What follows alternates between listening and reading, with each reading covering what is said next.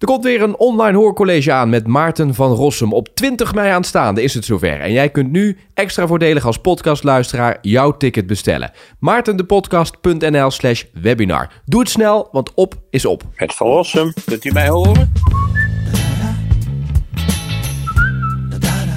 Hoor je mij ook? Ja, ik hoor je luid en duidelijk. Loud and clear. Loud and clear. Misschien goed om eh, eerst eventjes... eh, ik hoorde jou ehm, eh, eerder over de goede zaken waar Biden mee bezig is. Maar Ja, dat is misschien wel interessant om daar even op door te gaan. Want nou ja, alle aandacht ging natuurlijk weer naar Trump... die één keer wat groep ja had. het was een beetje een wonderlijk... eh, je refereert ongetwijfeld aan op 1, Ja, waar ik enige dagen geleden zat. Ik geloof op zondagavond, als ik het me goed ja, herinner. dat klopt. Dat was zondag. En ik had de indruk gekregen eigenlijk dat wij het vooral zouden hebben over de bijzondere maatregelen die Biden bezig is te treffen. Ik zal zo zeggen wat dat is.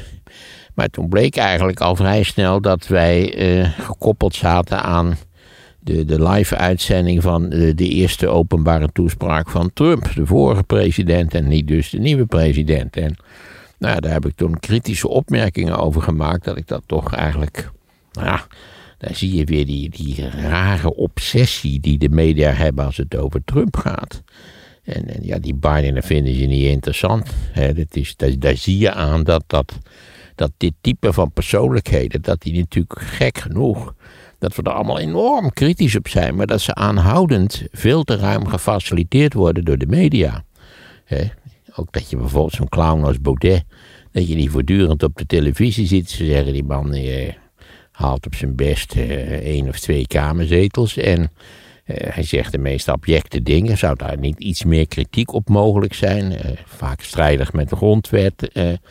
nee, men is dus dol op clowneske figuren. Daar komt het eigenlijk in grote trekken op neer.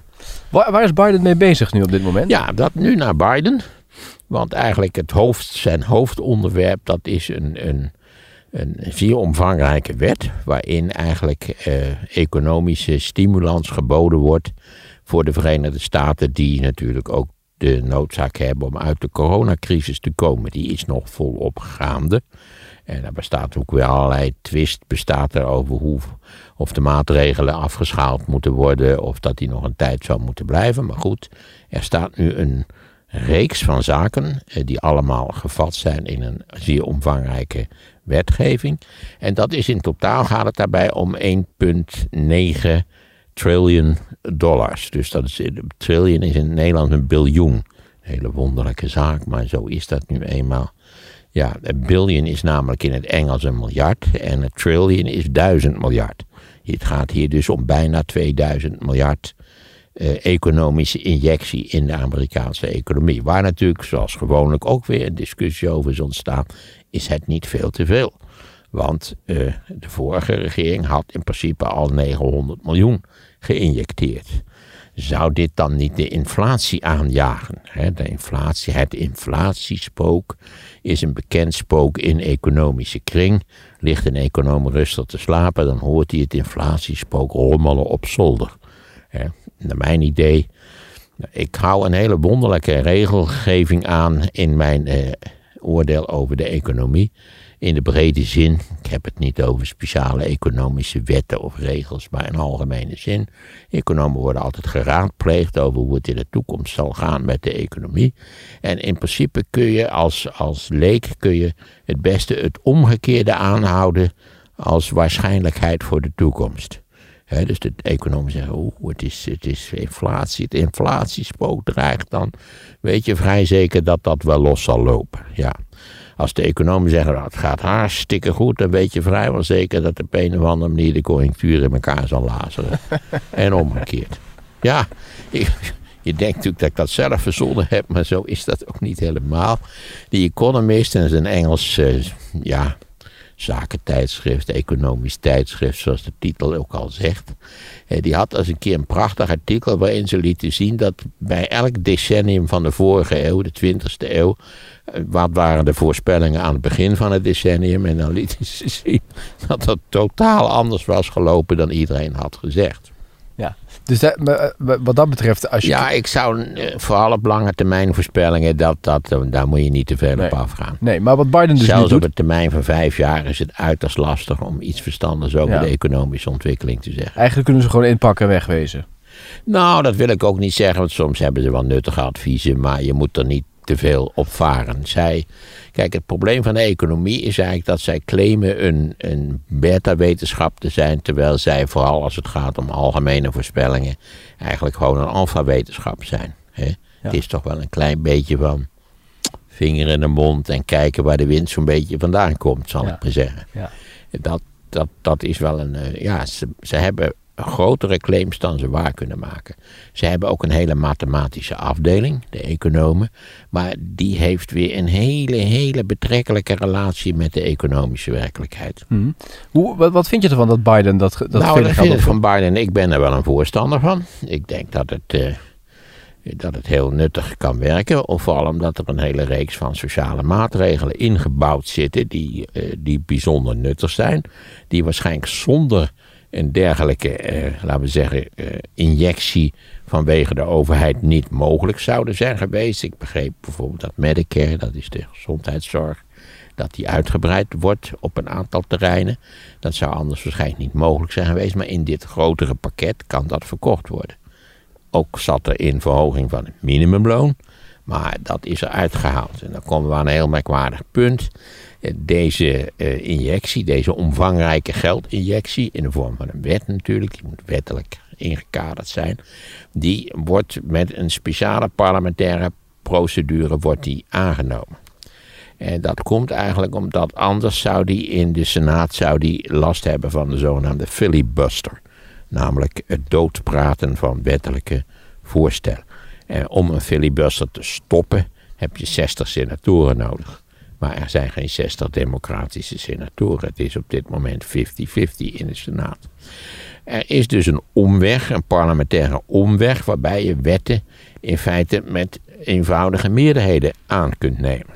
Maar dat betekent wel dat de voorstellen in die wet opgenomen, dat die een tijdelijk karakter hebben en in principe niet structureel zijn. Dit is natuurlijk een in principe niet structurele maatregel, want hij is bedoeld als, als injectie, economische injectie in moeilijke tijden. Vandaar dus dat de verhoging van het minimumloon, dat zou een structurele maatregel zijn, die is uitgehaald. Nu zoeken ze eens naar andere methoden om dat alsnog te realiseren, maar dat zal lastig zijn. Dat, dit alles is noodzakelijk omdat, ik zeg het nog maar eens een keertje voor alle luisteraars, eh, de- het volkomen achterlijke, eh, eh, hoe moet je dat zeggen, reglement van de Amerikaanse Senaat. Wat echt totaal verouderd is. De filibuster staat niet in de constitutie, dus het is, kan zo afgeschaft worden met een simpele stem. Maar ja, je begrijpt dat beide partijen altijd denken van, ja, als ik in de minderheid ben, is het wel handig dat de filibuster ja. bestaat. Hè? Ja, dat is het probleem. Is dit pakket van Biden nu herstellen wat Trump heeft afgebroken? Of Nee, brengt het nee, het land nee, echt nee, vooruit? Nee, nee, het gaat hier om herstel wat corona heeft aangericht over een jaar. En nou, we, we weten allemaal dat corona nog lang niet voorbij is. Dat dat ook in de hele loop van dit jaar nog hele belangrijke economische en sociale effecten zal hebben. Ja, maar Trump heeft daar natuurlijk steken laten vallen, want hij heeft bijna niks Ja. gedaan. Nee, maar dat is in Amerika ligt dat toch wel wat anders dan bijvoorbeeld in een land als Nederland. Omdat Amerika natuurlijk een federale staat is.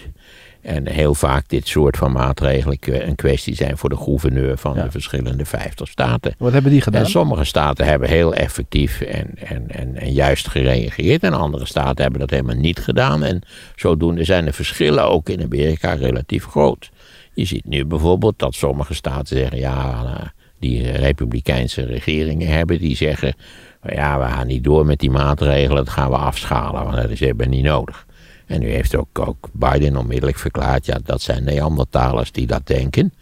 Ja, gek genoeg las ik ergens dat als je Neandertalen genen hebt, dat je dan beter bewapend bent tegen corona dan wanneer je weinig Neandertalen genen hebt. Dus ik hoop dat veel mensen veel Neandertalen genen hebben. Aan de ene kant lijkt me dat een nadeel als ik zo'n beetje het Neandertaalbeeld eh, bekijk. Maar het blijkt in dit geval een voordeel te zijn. Hoe dan ook, eh, Biden heeft daar kritiek op, maar kan daar niet zo verschrikkelijk veel aan doen. Het blijft een bondstaat. Het is een bondstaat. Dat betekent dat de verschillende staten vrij vergaande bevoegdheden hebben op tal van terreinen. Waarop niet?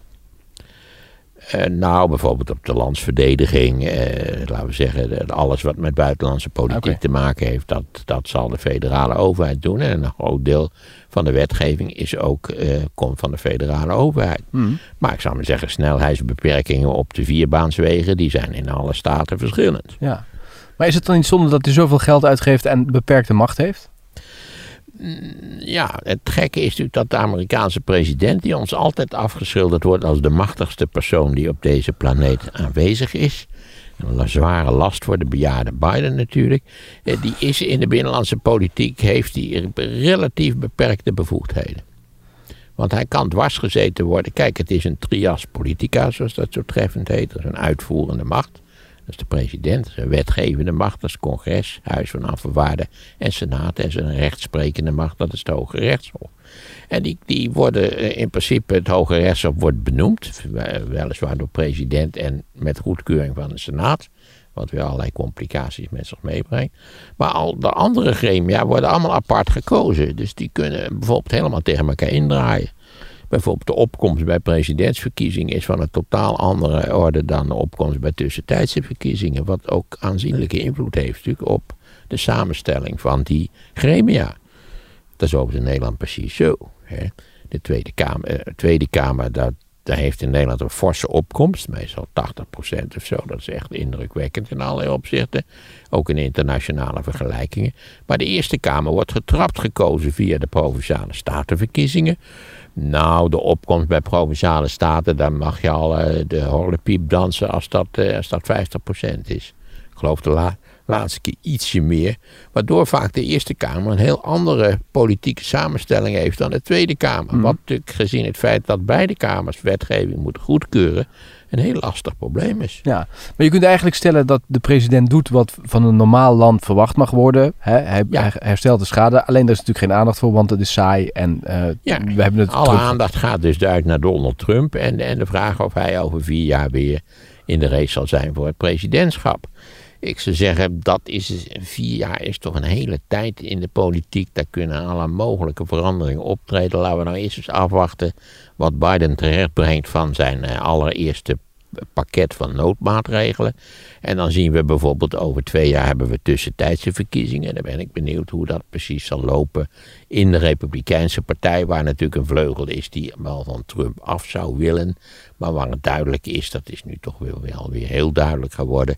Dat zijn greep met name op de kiezers nog zeer groot is. Oké. Voordat we naar het onderwerp van deze aflevering gaan, want we zouden het in ieder geval het Over eerste deel... Duitsland hebben. Duitsland hebben in het eerste deel. Maar eerst nog even één vraag over de actualiteit. Namelijk de verkiezingen die er aankomen hier in Nederland. Weinig verschuivingen, dus wat dat betreft weinig spectaculairs. Ook na het eerste debat wat we hebben gezien. Heb jij nog opvallende zaken gezien? Ben je nog opvallende zaken tegengekomen? Nee, eerlijk gezegd heb ik niet naar de debatten gekeken. Ja, kinderachtige flauwekul zijn die debatten. Dat heeft niets te maken met eh, ja, dat je in Nederland eens een paar zetels erbij krijgt. Als je een beetje een blitse opmerking in het debat hebt gemaakt. En dat we dan ook weer dat gezeik krijgen wie de debatten heeft gewonnen. Want dat wordt dan ook weer in de kranten verspreid. En dat wordt eigenlijk groter gemaakt dan het in feite is. Eh, de praktijk leert, allerlei onderzoek maakt duidelijk dat de invloed van die debatten beperkt is. Een heel enkel bijzonder geval kan het iets groter zijn. Maar het is beperkt. We zouden ook zo snel mogelijk met deze vorm van debat op moeten houden. Dat hele gedoe, meneer Rutte, u heeft nog eh, 47 seconden voor uw antwoord. Hou er godsnaam mee op. Dus hadden we wel iets nieuws gedaan. Ja, dat waren die kijkersvragen, toch? Of Ja, de kiezers eh, stonden tegen-. Die stonden tegenover Maar goed, waarom die burgers? Waarom ben ik niet gebeld? Ik bedoel, dat is zo volkomen willekeurig is dat. Ik ben, je bent te bekend, denk ik. Ja, nou ja, Dit waren goede reden om wel te bellen, zou ik zeggen. Maar goed, nee, ik vind dat we van die debatjes af moeten. Of je moet een serieus debat. Dat, ik heb geen bezwaren tegen één opeens serieuze debatten. Niet waar, waar het dan ook gaat om beleidsmatige vraagstukken. Het feit bijvoorbeeld dat de Europese Unie geen moment aan de orde komt.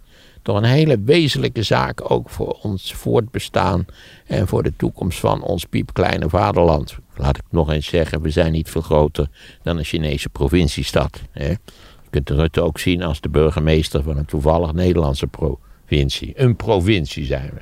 En daar komt het op neer. Dus nee, ik zie niks in die debatjes. Ik vind ook dat kinderachtige gelul erover bijzonder irritant. Dus ik heb ook niet gekeken. Ik ben ook niet van plan om te gaan kijken. Ik bepaal zelf wel hoe ik ga stemmen. Weet je al wat je gaat stemmen? Nou ja, ik heb in een, in een nachtelijk gesprek met Eus heb ik uitgelegd dat ik strategisch ging stemmen. Dat ik nog steeds zo verontwaardigd ben over de opstelling van de Partij van de Arbeid in Rutte 2 dat ik het niet over mijn hart kan verkrijgen om op mijn partij te stemmen waar ik notabene wel lid van ben. Dat ga ik dus niet doen.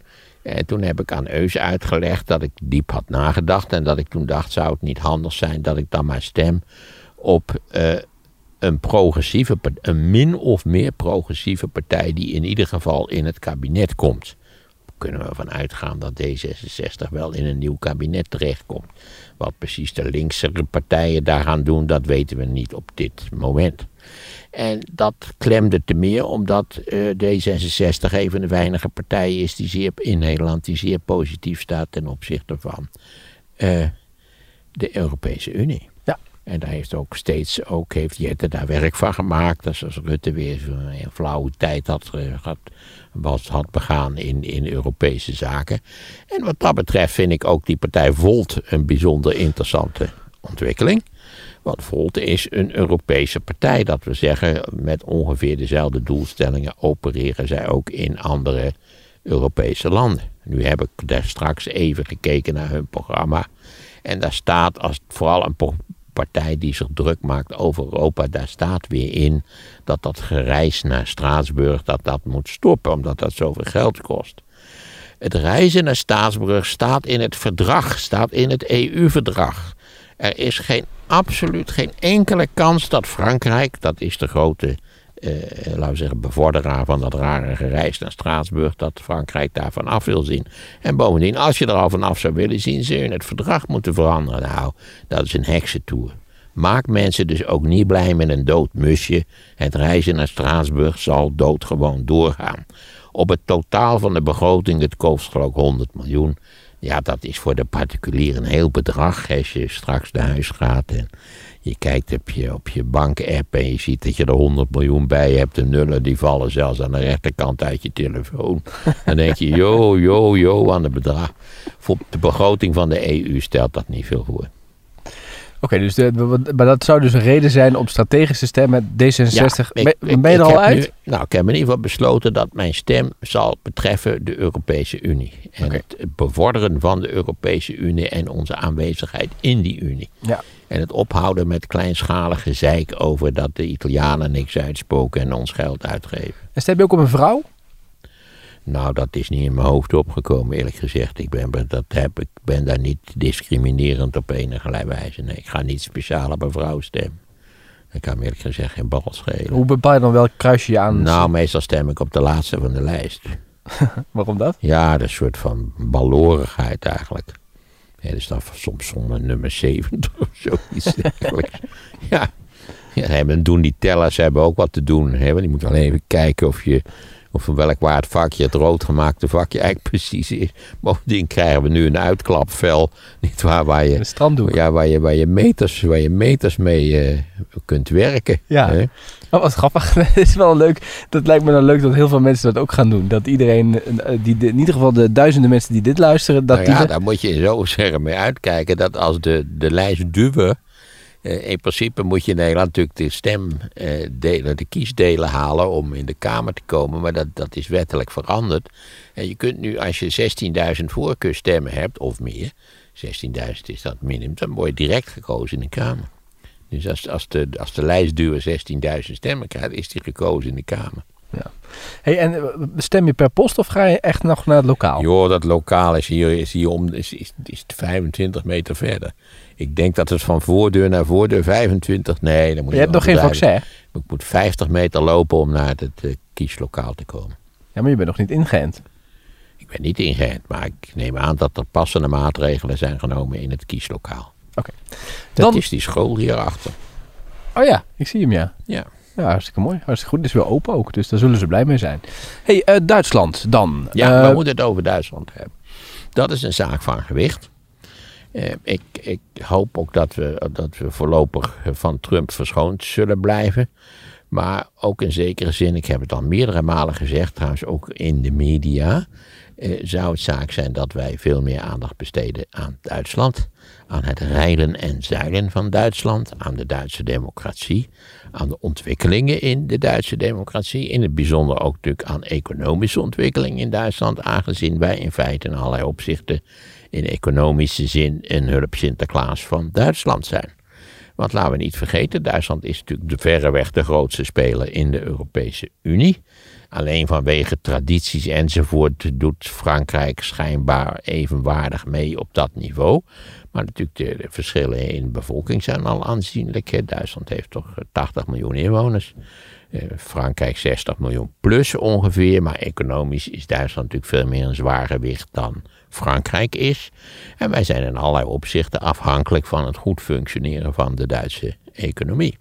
Ik geloof dat 30% van onze export en import betreft ons buurland Duitsland. Dus ja, Duitsland. Heel interessant. Afgelopen dagen heeft de Duitse overheid beslist dat eh, de AFD, de grootste oppositiepartij op dit moment, maar kijken, maar afwachten of ze dat ook blijven bij de verkiezingen eh, die aanstaande zijn, eh, dat dat een, toch een rechtsextremistische partij is, die gevaren in zich sluit en dat zij in feite zichzelf toestemming hebben gegeven om die partij goed in de gaten te houden, nauwkeurig te volgen.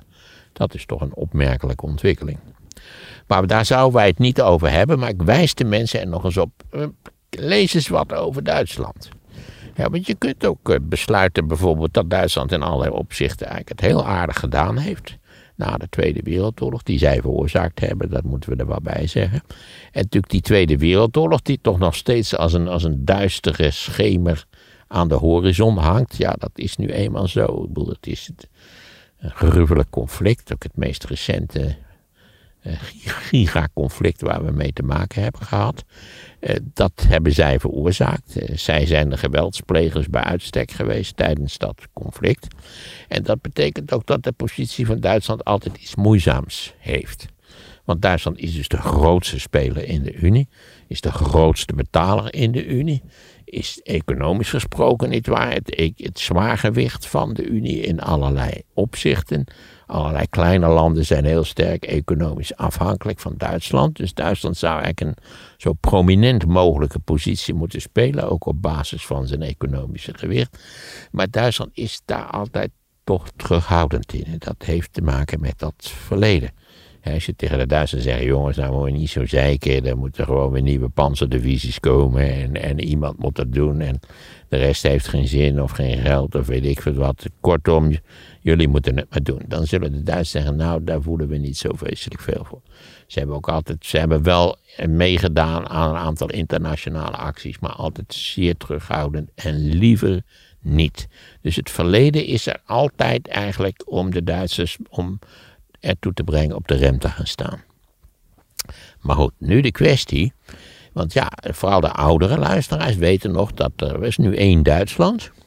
Maar het heeft heel lang, was het zo dat er twee Duitslanden waren. En dat had direct te maken met de Koude Oorlog en met de afloop van de Tweede Wereldoorlog. Want na afloop van de Tweede Wereldoorlog is Duitsland bezet door de geallieerde legers die de oorlog tegen de Duitse Weermacht hadden gewonnen. Uh, een deel van Duitsland is sowieso naar Polen gegaan. Dat is zeg maar Silesië en een stukje Oost-Pruisen. Een ander stukje Oost-Pruisen is naar Rusland gegaan. Uh, en wat er over was, dat was bezet door, in principe door de drie geallieerden. Namelijk de Engelsen, de Amerikanen en de Russen.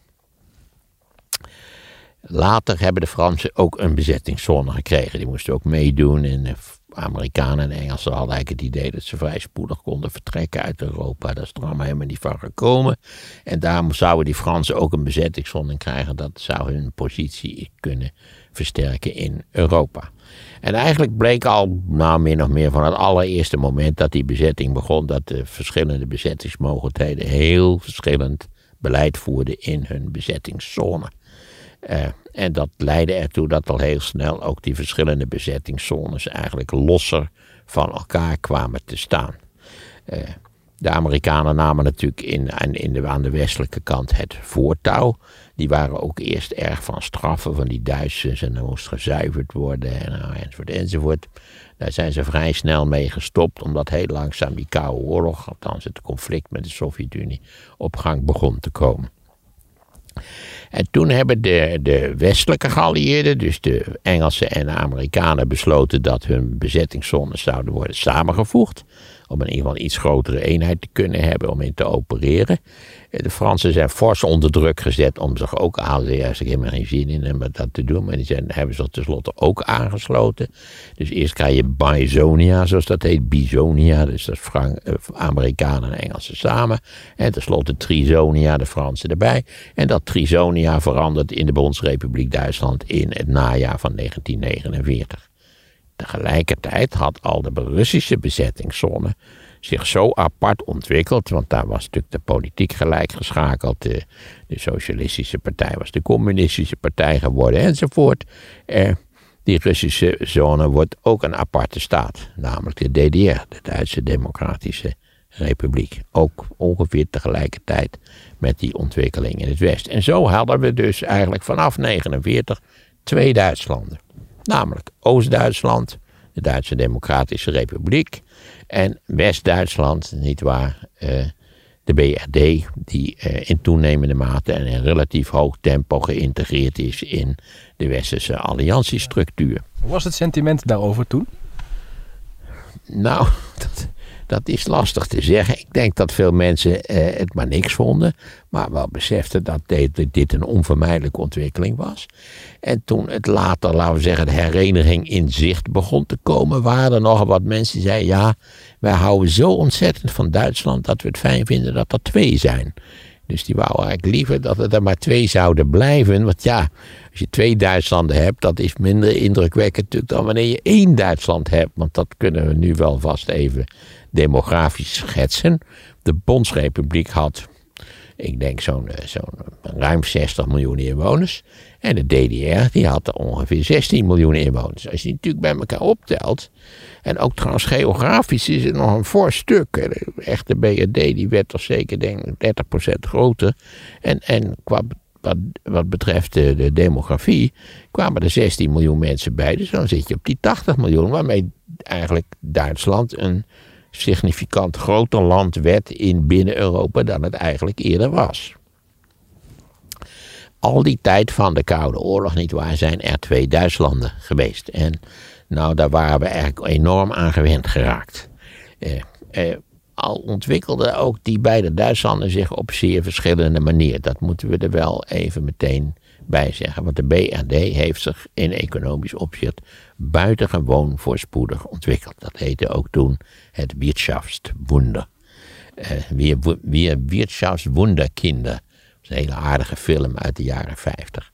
Het interessante is dat Duitsland eigenlijk, hè, de capitulatie is van 45, dat in 55 West-Duitsland meer produceert dan dat hele Duitsland voor de oorlog ooit geproduceerd had. Dus je kunt zeggen dat het economisch herstel in feite al compleet was en zeer succesvol ook om te zien in 55, precies tien jaar na afloop van de Tweede Wereldoorlog. Dat is op zichzelf, daar zie je aan dat als je al kader hebt, want de, scholings, de scholing was relatief hoog van de Duitse bevolking natuurlijk. Eh, veel fabrieken waren maar in heel beperkte zin beschadigd. Het is heel lastig om een grote fabriek, om die precies te raken en, en zo zwaar te beschadigen dat die niet meer draaien kan. Neem de Volkswagen fabriek in, in eh, Wolfsburg. Die was voor 93% was die intact, terwijl die toch vrij regelmatig gebombardeerd was. Dus die konden relatief snel konden ze daar die kevertjes gaan maken. Wat ze ook gedaan hebben. de kever, zoals we weten, is een van de meest succesvolle exportproducten van Duitsland geweest gedurende jaren en jaren en jaren. Wat op zichzelf eigenlijk heel eigenaardig is. De kever was, was het geesteskind van Adolf Hitler. Zonder Hitler geen kever. Zonder Hitler geen Volkswagenfabriek. En eh, in die kever, dus het geesteskind van Adolf Hitler, werd in de Verenigde Staten de hippe auto van een nieuwe generatie. Die juist die kever zag als een symbool van bescheiden, zuinig, solide enzovoort. Dat is natuurlijk toch, daar, daar wringt iets op historische grond. Ja, ik moet bekennen dat ik een hele flauwe grap altijd deed bij lezingen. Ik zei, ja, god, hoe je het ook beschouwt, maar de Volkswagenfabriek is het grootste en meest eh, spectaculaire eh, erfenis eh, van Adolf Hitler. Ja, zonder Hitler absoluut geen Volkswagenfabriek. En om dat eigenlijk te vieren heeft elke Volkswagen, trouwens elk product van de Volkswagenfabriek, dus ook de Audi wat, wat heb je nog meer, daar heb je als, je, als je goed voelt, achter het dashboard voel je daar een klein hakenkruisje. En dan zag je die zaal die zag je, zou dit nou waar zijn? Zou ik echt in een auto rijden door een klein hakenkruisje gestanst is achter het dashboard? Je wil in ieder geval proberen. Waarschijnlijk, nee, ik zei altijd na vijf minuten, nee, het is niet waar. Ik heb het verzonnen.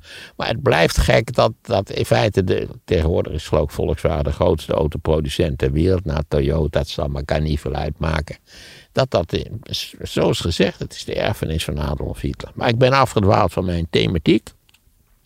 Dus de BRD heeft zich zeer voorspoedig ontwikkeld. Maar de DDR was natuurlijk de gevangene van de Russische bezetting, die daar, eh, waar daar sprake van was. En bovendien van dat hele systeem van die Oost-Europese en Centraal-Europese economieën, die in de verste verte niet laten we zeggen, zich competitief eh, ontwikkelde. Die, die spullen maakte die je ook op de wereldmarkt met enige rendement zou kunnen verkopen. Eh, dat, dat vertraagde toch enorm sterk. En waardoor natuurlijk de economische verschillen tussen Oost en West steeds groter en groter en groter werden. Het, het klassieke verschil is eigenlijk de Trabant aan de ene kant en laten we zeggen, die enorme eh, spectaculaire auto-industrie die zich aan de, aan de BRD-kant eh, had ontwikkeld. Want die Trabant is wel een heel raar wagentje. Ik heb er een tijdje geleden nog met mijn broer in gereden en je wenst dat geen mens toe. Al schijnt er wel een Trabantclub te zijn, maar dat is kennelijk een gezelschap van gevaarlijke masochisten. Die zijn bereid om op zondag dat stomme ding, dat, dat, dat rochelende koekblik op gang te brengen en er mijn eindje mee te gaan rijden. Maar goed, ik gun het ze graag. Ik wilde niet al te kinderachtig over zijn. Maar goed, de economische verschillen waren dus in de loop der tijden enorm groot geworden.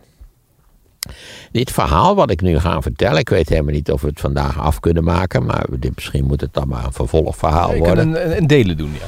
We kunnen het in delen doen, precies hoofdstuk 1, hoofdstuk 2 en zo kunnen we nog even doorgaan natuurlijk. Uh, dit verhaal heeft twee helden. En held 1 is, is Gorbachev. Zonder Gorbachev zou dit verhaal niet verteld kunnen worden. En de tweede held, heel onverwacht waarschijnlijk voor velen, is Helmut Kool. Ik had Kool altijd beschouwd als een, een dikke, dikke CDU-man eh, waar ik weinig vertrouwen in had. Ik heb een jaar in Mainz gewoond. Het was hetzelfde jaar dat hij nog, laten we zeggen, de, de chef was van de Bundesland Rijnland-Pals. En daar, toen zag ik er ook al niet in. Maar feit is dat in mijn verhaal zal Kool tenslotte een beslissende en hele goede rol spelen.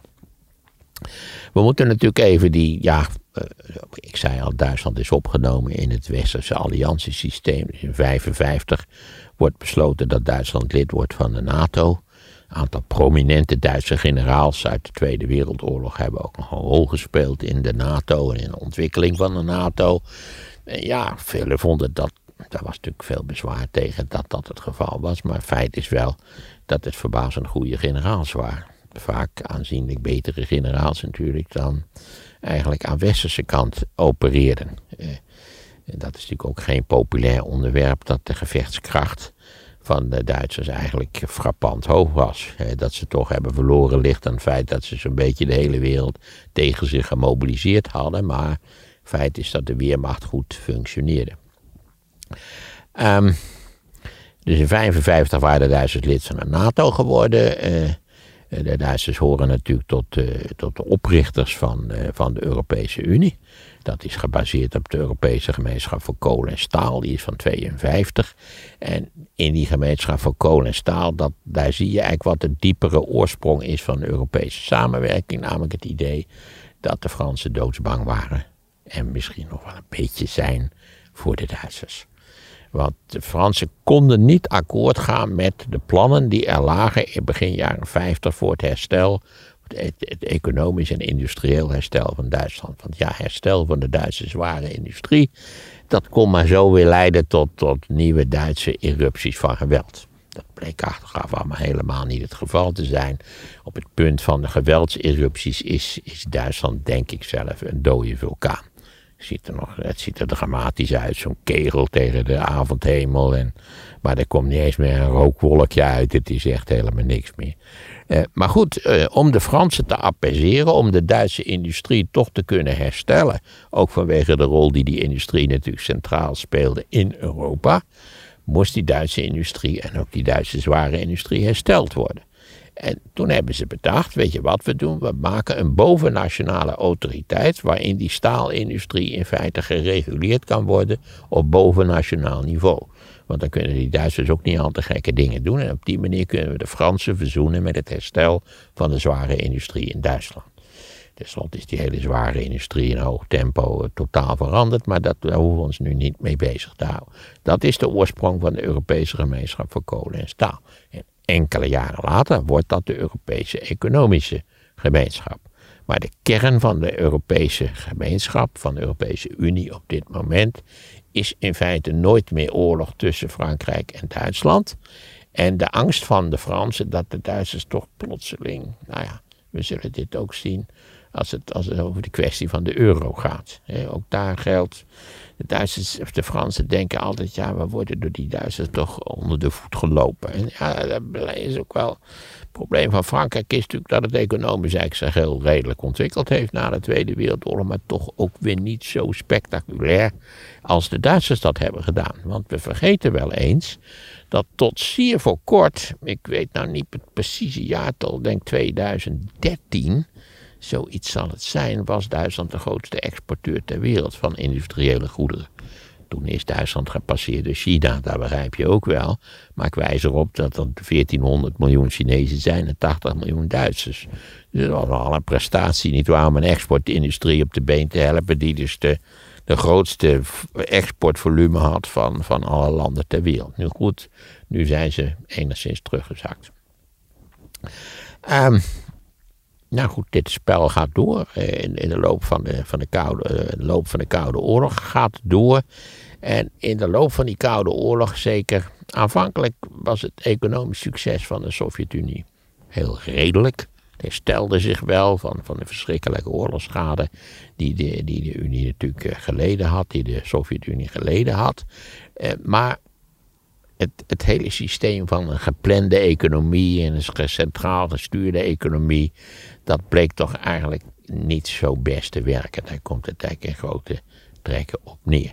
En dat leidde vanaf de late jaren 60, eh, in de jaren 70, tot, eh, tot een vergaande stagnatie eigenlijk van het hele Sovjet-systeem. Inclusief natuurlijk het imperium van de Sovjet-Unie in Oost- en in Centraal-Europa. En met name de wat jongere managers in die communistische partij in de Sovjet-Unie, die begrepen wel, we moeten er iets aan doen. Eh, op een of andere manier moeten we toch, toch hervormingen tot stand zien te brengen, waardoor we dit volledig gestagneerde systeem uit de modder kunnen trekken. Eh, aanvankelijk ziet dat er eigenlijk niet zo naar uit. De, de leiding, dat was een echte gerontocratie, zoals dat was, allemaal hoogbejaarde types waren dat. En komt ook eigenlijk een dramatisch moment. Dat is begin jaren tachtig. Ondertussen lopen de spanningen tussen de Verenigde Staten en, en, en, uh, en de Sovjet-Unie lopen weer verder op vanwege Ronald Reagan die allerlei wonderlijke retoriek uh, over het evil empire ten beste gaf, die overigens verder nauwelijks praktische invloed had op de werkelijke situatie. Maar goed, ze waren dol op de retoriek en deden dat. en tegelijkertijd was dus uh, Brezhnev ging dood. Was de chef van de, heet het ook weer, de secretaris-generaal van de CP in, uh, in uh, de Sovjet-Unie. Brezhnev ging in 82 dood. Dan wordt hij opgevolgd door Andropov. Andropov wist, begreep wel dat er hervormd zou moeten worden. Een vrij intelligente man. Uh, tegelijkertijd was hij vreselijk bang voor de Verenigde Staten, naar mijn idee zonder goede redenen. Maar het probleem was, Andropov ging ook dood, een jaar later. En toen was uh, ja, moest, die moest ook opgevolgd worden, vanzelfsprekend. In, in zo'n dit, type van autoritaire dictatuur is die leider een man van gewicht. Eh, en toen is Andropov opgevolgd door Tchernenko. En al bij zijn eerste presentatie aan de wereld werd hij, als ik het me goed herinner, eh, binnengebracht door een verpleegster. Dus je had al het gevoel, dit gaat ook helemaal de verkeerde kant op met die Tchernenko. Hij kon nauwelijks zelfstandig op zijn benen staan. En waaruit je Tchernenko overlijdt ook in 1985. Dus nu zijn er drie gerontocratische leiders zijn overleden. En in 85 eigenlijk tot ieder stomme verwondering kiezen ze een veel jongere leider als leider van het, in het politbureau, als leider van de natie. En dat is Gorbachev. En Gorbachev, dat uh, was in allerlei opzichten iemand die begreep, het, het zou totaal anders moeten. Het, het, hele probleem moest totaal anders aangepakt worden. Die economie die moest op een of andere manier toch meer marktgestuurd worden. Er zou meer democratie moeten komen. En had die twee beroemde principes, glasnost, dat is transparantie, en perestroika, dat betekent zoveel als reconstructie, verbouwing, hoe het, hoe je het noemen wilt. Dat waren zijn leidende beginselen.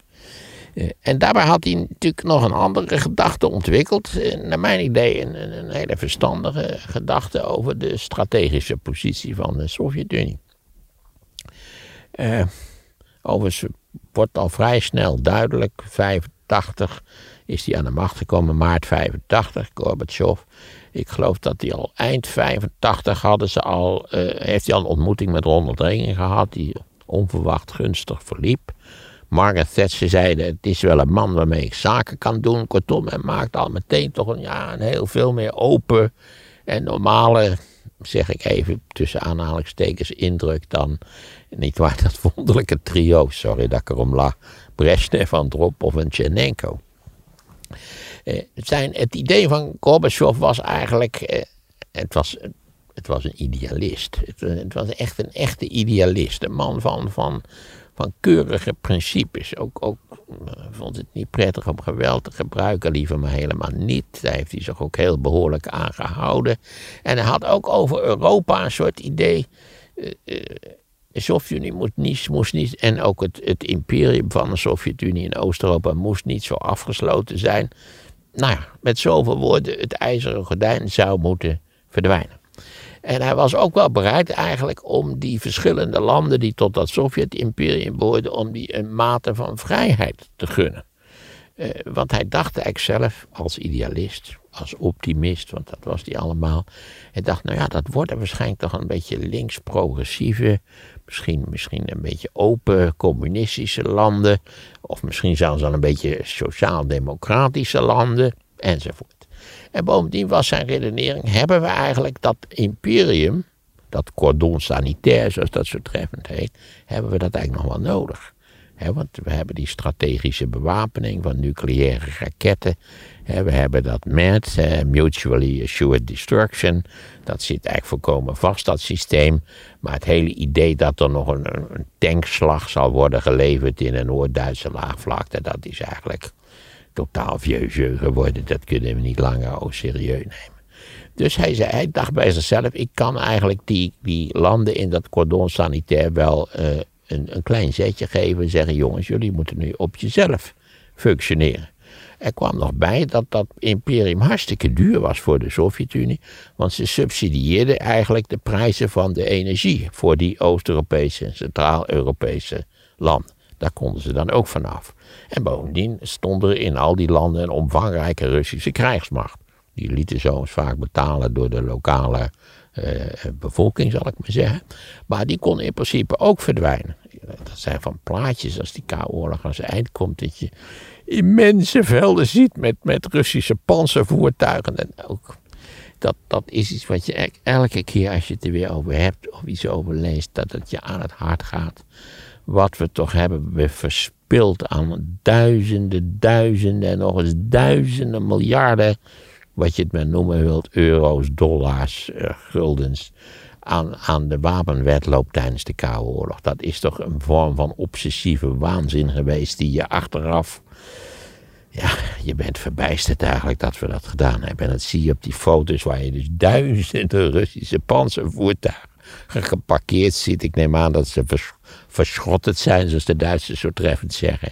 En dat ze er iets nuttigs van hebben gemaakt. Misschien bakpannen of zo, wie zal het, wie zal het zeggen. Ja, kortom, zijn idee was, we hebben dat strategisch niet meer nodig. Dus we kunnen ze in principe zelfstandig laten functioneren. En tja, daar kwam eigenlijk onmiddellijk om de hoek kijken dat geen van die regimes in Oost-Europa, Centraal-Europa, laat staan de DDR, enige vorm van legitimiteit had. Het waren regimes geïnstalleerd door de Russische bezetter. De Russische bezetter had vrij regelmatig geïnterveneerd om ze in het zadel te houden. En nu was natuurlijk onmiddellijk duidelijk. Nee, ze, het, het, het, het was gewoon eigenlijk meteen afgelopen, zou je kunnen zeggen. En dat wordt duidelijk in een fameus jaar 1989. Het wonderjaar. En eh, wat eh, Gorbachev ook had gezegd, ik meen al in. Overigens had hij dit al gezegd tegen zijn verschillende cliënten in Oost- en Centraal-Europa ergens in 86. Maar voordat het ingezonken was dat de Russen niet meer zouden komen opdraven met tanks om die regimes in het zadel te houden, dat heeft nog wel een paar jaar geduurd. Maar ik meen eind 88 heeft Gorbachev gezegd. Ja, ik doe dit even uit het hoofd, dus het, het kan zijn dat ik een maandje naast zit of zo. Dus dat moeten de mensen thuis even opzoeken. U hoeft niet van die kritische brieven te sturen van hoe is het mogelijk dat de heer Van Rossum niet op de hoogte is van het feit dat Gorbachev met een vulpen schreef niet met een ballpoint. Dat is toch algemeen bekend. Dat is een zaak van het grootste gewicht. Nou ja. Liever niet. Als u echt iets serieus structureels heeft op te merken, graag dat wel. Um, ja, je weet dat een hoop sociale media zijn eigenlijk een, een dominantiespel. Hè? De schrijvers, de berichtgevers, die willen graag laten merken dat ze het veel beter weten dan degene die officieel in de media aan het woord is geweest over deze kwestie. Hè? Dat die vulpen van Gorbachev, dat is een zaak van het grootste. Nou, we stappen er weer vanaf. Um, ja, dat had hij, hij had het dus gezegd tegen zijn cliënten. Jongens, jullie, jullie staan op jezelf. Uh, ik heb opdracht gegeven. De Russische troepen komen niet uit de kazernes. Dus u moet maar kijken hoe het zich ontwikkelt. En hij had er de beste verwachtingen van. Die tenslotte overigens niet bewaarheid zijn. Dat moet er wel uh, bijgezegd worden. En in 88 had hij gezegd. Ik ga eenzijdig over tot het terugtrekken van grote hoeveelheden Russische troepen uit Oost-Europa en Centraal-Europa. En dat begon al in het voorjaar van 89. En eh, in dat kader heeft toen de Hongaarse regering, die had eerst al besloten dat, er, eh, dat Hongarije het politieke systeem zou opengegooid worden. Er zouden politieke partijen komen. Eh, die zijn er ook gekomen. En daar zie je de wonderbaarlijke ironische paradox van het historisch proces. Dat de Hongaren ook zo'n beetje de eerste zijn geweest die aan die prachtige democratie die ze in 89 cadeau hadden gekregen ook weer een eind hebben gemaakt. Niet waar? Hongarije is hard op weg om een zeer onaangename dictatuur te worden onder leiding van meneer Orbán. Hetzelfde drama heeft zich natuurlijk in Polen afgespeeld, niet waar? Je krijgt de democratie, je bent dolgelukkig met de democratie. Geweldige verkiezingen, interessante ontwikkelingen. En bij de eerste denkbare gelegenheid, niet waar, stem je een partij aan de macht. die vervolgens druk bezig gaat met de democratie weer af te schaffen. He? Kennelijk waren ze toch geestelijk niet in staat. Bekend punt is dat. Je verlangt naar de vrijheid en eindelijk ben je vrij. En Jezus, wat een gruwel is vrijheid. He? Ja, moet van alles zelf gaan beslissen. Je doet dingetjes fout. Weet je wat, dan maar niet vrij. Hè? Het schijnt ook dat mensen die heel lang in de gevangenis hebben gezeten, de grootst mogelijke moeite hebben om buiten de gevangenis er nog iets van te bakken. En je hebt ook toch hospitaalverslaving. Je ligt in het hospitaal en het is inderdaad heerlijk fijn en rustig. Je krijgt je natje en je droogje. Ze komen je weliswaar hartstikke vroeg wekken. Zonder enige dringende noodzaak. Maar toch, je kunt je best voorstellen dat als je, als je er niet uitgekegeld wordt, dat je denkt, nou, ik blijf hier lekker liggen. Dat is prima de luxe, een tv'tje boven het bed. Eh, echt, wat een heerlijk Ik hoef nergens over na te denken. Ja, ik ben een gevangene. Ja, ik heb niets te vertellen hier, maar toch, ik geniet er met volle teugen van. Vrijheid is een, is een lastig goed, dat, dat blijkt wel. Maar goed, ik dwaal weer af. In datzelfde kader dacht die Hongaarse regering, weet je wat wij doen? We gaan bezig om dat ijzeren gordijn af te breken. Want natuurlijk tussen Oostenrijk en Hongarije, daar stond het ijzeren gordijn. Eh, en dit, dat werd open, er waren speciale personeel verschenen met van die grote scharen waarmee je mee eh, eh, hekken open kunt knippen. En dat werd opengeknipt. Dit speelt zich allemaal af begin mei 89. Ik herinner het me als de dag van gisteren. Want in de NRC stond een, zo'n kadertje op de voorpagina. En dat was een beetje een komisch kadertje. Zo, nou moet je nou toch eens kijken, zegt hij. Die, die Hongaren, maar rare lui zijn dat toch. die zijn bezig om het ijzeren gordijn met grote scharen open te knippen. En dan niet alleen, ze hadden een apart stukje hadden ze uitgeknipt. Dat zou aan de nieuwe Amerikaanse president eh, George Bush senior worden gestuurd. Wij vonden het wel geestig allemaal, maar je begrijpt dat de Oost-Duitsers onmiddellijk beseften, er zit een gat in het ijzeren gordijn. En de DDR was natuurlijk in allerlei opzichten een gevangenis geworden vanaf de bouw van eh, het ijzeren gordijn sowieso. Dat begint al in de jaren 50 en tenslotte wordt in Berlijn de muur gebouwd. je kon tot uh, 61 kon je in Berlijn kon je van de ene kant van de stad naar de andere. En wat veel voorkwam natuurlijk in de, in de DDR je studeerde tandheelkunde aan de Universiteit van Leipzig. En tenslotte studeerde je af, prima tandarts geworden. Dan zei je tegen een vriendin, waarschijnlijk een knappe vriendin. Weet dat tandartsen altijd knappe vriendinnen hebben, dat is algemeen bekend. Je zegt, weet je wat wij doen? Wij nemen een enkele reisje Berlijn vanuit Leipzig, zover is het niet. En dan in Berlijn wandelen ze kalmpjes over de eh, laten we zeggen, over de scheiding tussen Oost en West.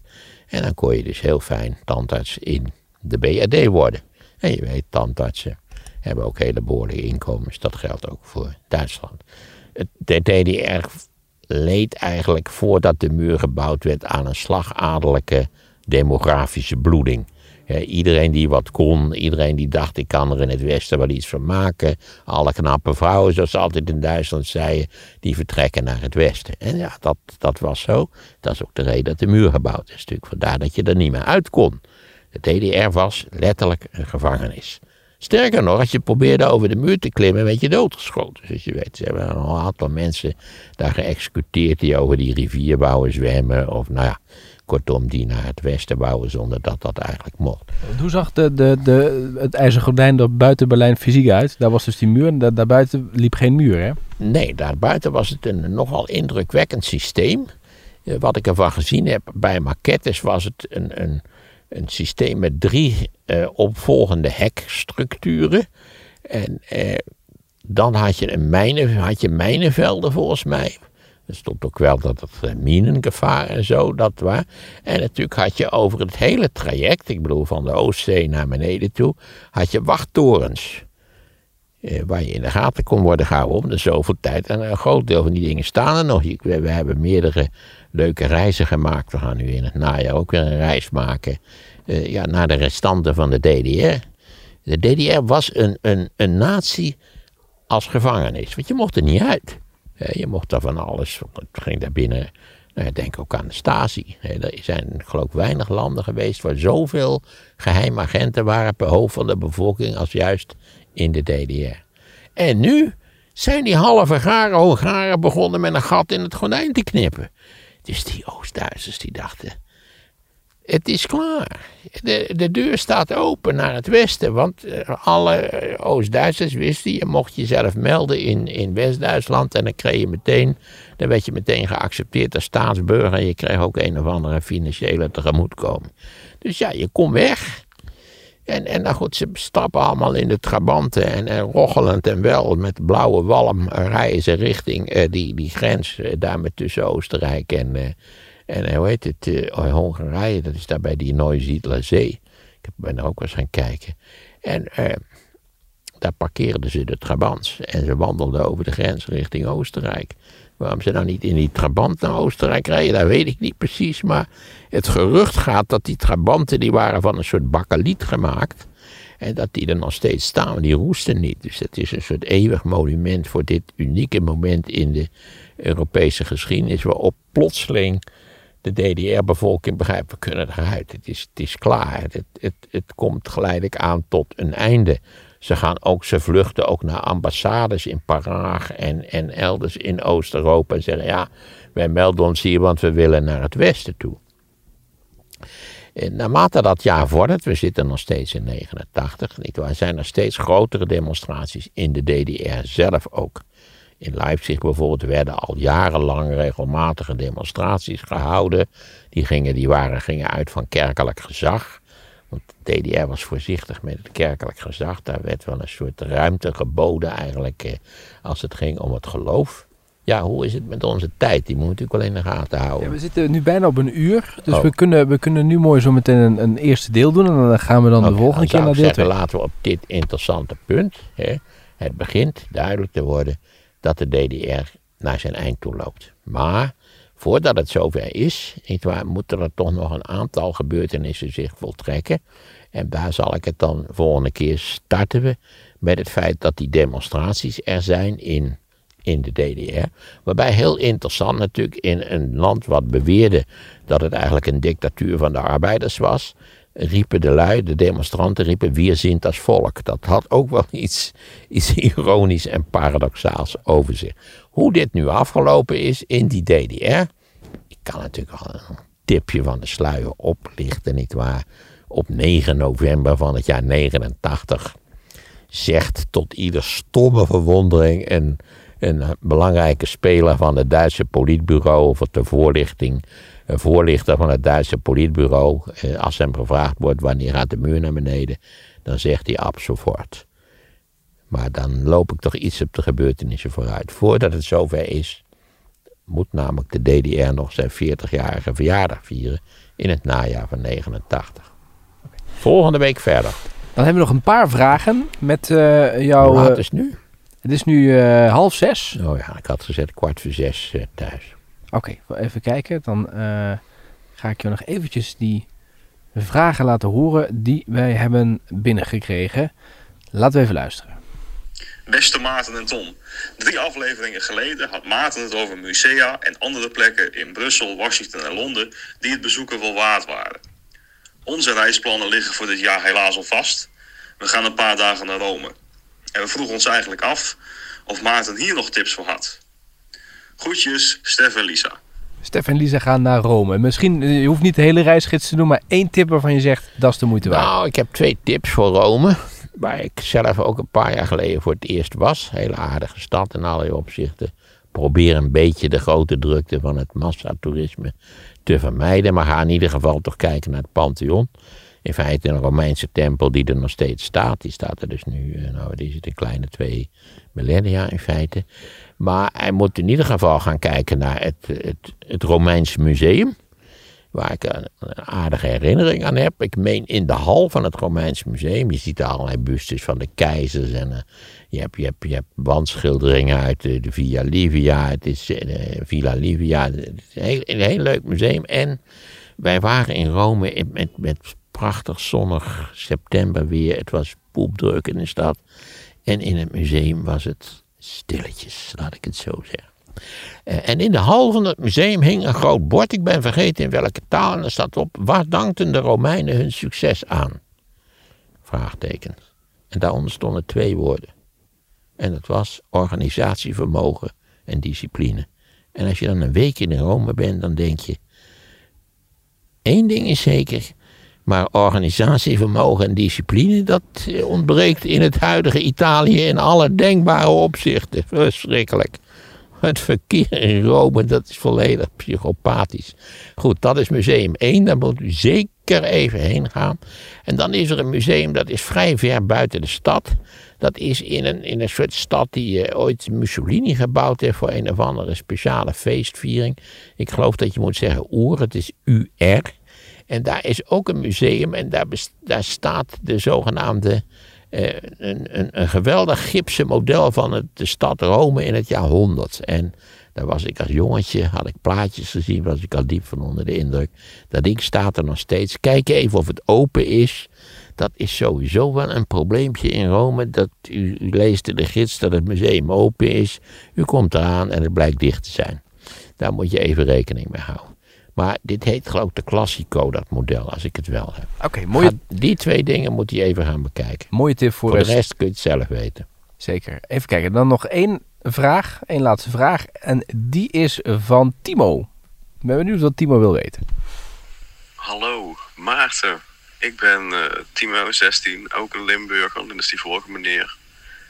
En eh, ik las dus in het AD eh, dat u van partij, of nee, dat u spijt had als eh, van uw lijstduwerschap van de Partij van de Arbeid en zelfs D66 wil stemmen omdat ze meer gericht zijn op de EU. Maar is een West-Europese Unie in plaats van een normaal, eh, ja, deze Europese Unie economisch niet veel voordeliger voor Nederland? Nou ja, er is een Europese Unie, daar zijn we lid van. Horen tot de oprichters. Ze zeggen, we zitten er al in, helemaal geen probleem. We zouden iets minder kinderachtig moeten doen over verdere integratie van de Europese Unie. En ook iets minder moeten zeiken, nietwaar, over de vraag of het, of het allemaal wel voordelig is voor ons en of het wat centjes oplevert. Hè? En, en ophouden met die kinderachtigheden van Rutte, dat hij de biografie van Chopin had meegenomen tijdens die vergadering om te laten merken hoe onbelangrijk en oninteressant hij het allemaal wel vond. En toen zijn Wopke natuurlijk en Rutte lelijk op hun nummer gezet, omdat bleek dat Macron en Merkel besloten hadden dat de Unie op eigen kracht geld zou kunnen lenen. Wat mij veel genoegen deed, vanzelfsprekend, maar in Nederland eh, moet je daar tegen zijn. Hij, Wij zijn de kruideniers van Europa. Ja, maar hij noemt de West-Europese Unie. Dus daarmee... Ja, dat is een hele andere organisatie. Maar ik heb het over de Europese Unie, niet over de West-Europese Unie, de WEU, zoals dat heet, maar de Europese Unie. En dat is in feite een organisatie die voortkomt uit die Europese Vereniging eh, eh, voor Kolen en Staal. En die eh, zijn ontstaan dank aan een lang grote vergadering in Rome. Dat is 58, 59. Oké, maar dit, die beu, dat... dat, dat Nee, die Weu, dat, die, die doet wel, hij heeft al een aantal nuttige dingen gedaan, maar die is op dit moment niet van de spectaculaire relevantie als de Europese Unie. Oké, ik hoop dat je vraag daarmee beantwoord is, Timo. We hebben nog veel meer vragen, maar dat doen we de volgende keer. 085 301 8088. Daar kun je dit op inspreken via WhatsApp. Morgen naar de kapper. Ja, ik mag morgen naar de kapper, daarom doen we het vandaag. het is een godswonder. Ik ben, ik ben gisteren naar de pedicure geweest. Ik heb twee nieuwe voeten. Je weet, ik had al twee nieuwe lenzen in mijn ogen. Het vernieuwingsproces eh, krijgt echt vaart. En, en eh, vrij binnenkort eh, kan, ik waarschijnlijk eh, een, medaille gaan halen bij de atletiek op de Olympische Spelen. Als het zo doorgaat. Hoe ga je het laten knippen? Want dit is Zo kort mogelijk. jongen, jongen, wat heb ik een teringhekel aan dat lange haar, zeg. Verschrikkelijk gewoon. Ik, ik zie helemaal geen verschil met, nou ja, laten we zeggen, vier, vijf weken geleden. Nou ja, het schijnt 1 centimeter per maand te groeien als ik het goed Ja, heb. maar heb je er last van? Ja, ik heb daar hartstikke veel last van. Het hangt in mijn oog. Moet het regelmatiger wassen. Dat hele wassen is ontzettend gekloot natuurlijk. Eh, nee joh, ik ga het echt... eh, het is nou dat mijn vrouw er tegen is dat ik het laat millimeteren. Maar dat, zou mijn eigen, dat is mijn ideaal. Oké. Eh, maar ik kan je verzekeren, de volgende week is het zo kort als het maar enigszins mogelijk is. Oké, goed. Ik ben heel benieuwd. Hey, grote dank. Interessant verhaal over Duitsland. We gaan volgende week gaan Ja, we door. We gaan volgende week door en we zijn gebleven in zeg maar het voorjaar, de vroege zomer van 89. Exact genoteerd. Dank. Oké.